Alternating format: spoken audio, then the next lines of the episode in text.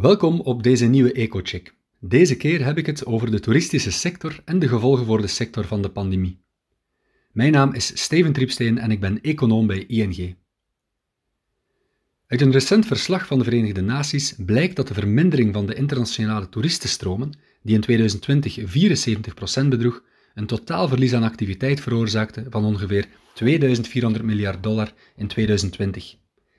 Deze som omvat zowel het directe als indirecte verlies aan activiteit.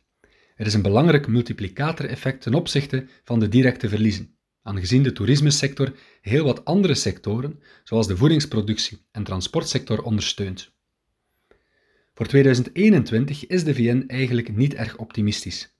Ze stelde drie scenario's op die een verlies van 1700 tot 2400 miljard dollar voorzien. Het gecumuleerde verlies aan bedrijvigheid over de periode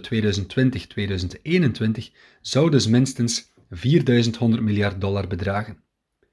In verhouding tot het BBP van 2019 zouden de grootste verliezen worden geleden in Centraal-Amerika, Oost-Afrika en Zuidoost-Azië. De Europese landen zouden minder worden getroffen, maar volgens simulaties zouden verliezen van 1,4 tot 2,7 procent van het BBP kunnen worden opgetekend.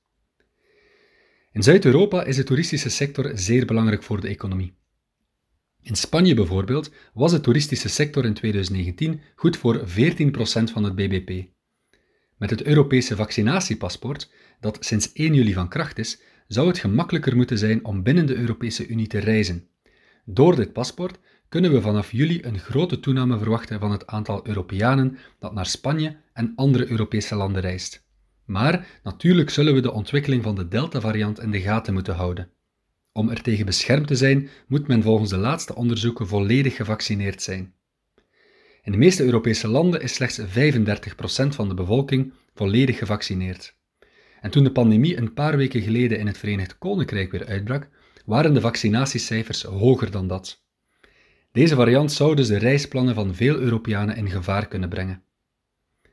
Voor Spanje is de opflakkering van de pandemie in het Verenigd Koninkrijk een serieus probleem, aangezien het land sterk afhankelijk is van Britse toeristen. In een normaal jaar is 1 op de 4 buitenlandse toeristen in Spanje Brits. Ten slotte nog twee laatste punten die ik wilde aanhalen. Ten eerste is het risico op besmetting nog niet verdwenen, zodat veel mensen waarschijnlijk nog steeds de voorkeur zullen geven aan vakantie in het thuisland. In een land als België kan de sector er wel bij varen, maar voor landen zoals Spanje of Griekenland is de compensatie van meer binnenlands toerisme niet genoeg. Het is ook waarschijnlijk dat de kust of de bergen de voorkeur zullen krijgen ten nadele van historische steden. Een tweede punt is dat de onzekerheid rond de pandemie er ook kan voor zorgen dat veel mensen pas op het laatste moment hun vakantie boeken. In dit opzicht zou Griekenland het onderspit kunnen delven. Landen als Italië zouden in principe meer voordeel kunnen halen uit nabijheid van andere landen. Duitsers en Fransen kunnen immers sneller met de auto in Italië geraken dan met het vliegtuig in Griekenland. 2021 wordt dus allesbehalve een normaal jaar voor de toerismesector. De VN verwacht zelfs geen terugkeer naar het normale niveau op mondiaal vlak voor 2023. Deze situatie kan bovendien tot ernstige macro-economische onevenwichten leiden in de landen waar deze sector een belangrijk deel van de activiteit vertegenwoordigt. Met deze minder positieve boodschap moet ik jammer genoeg deze podcast afsluiten.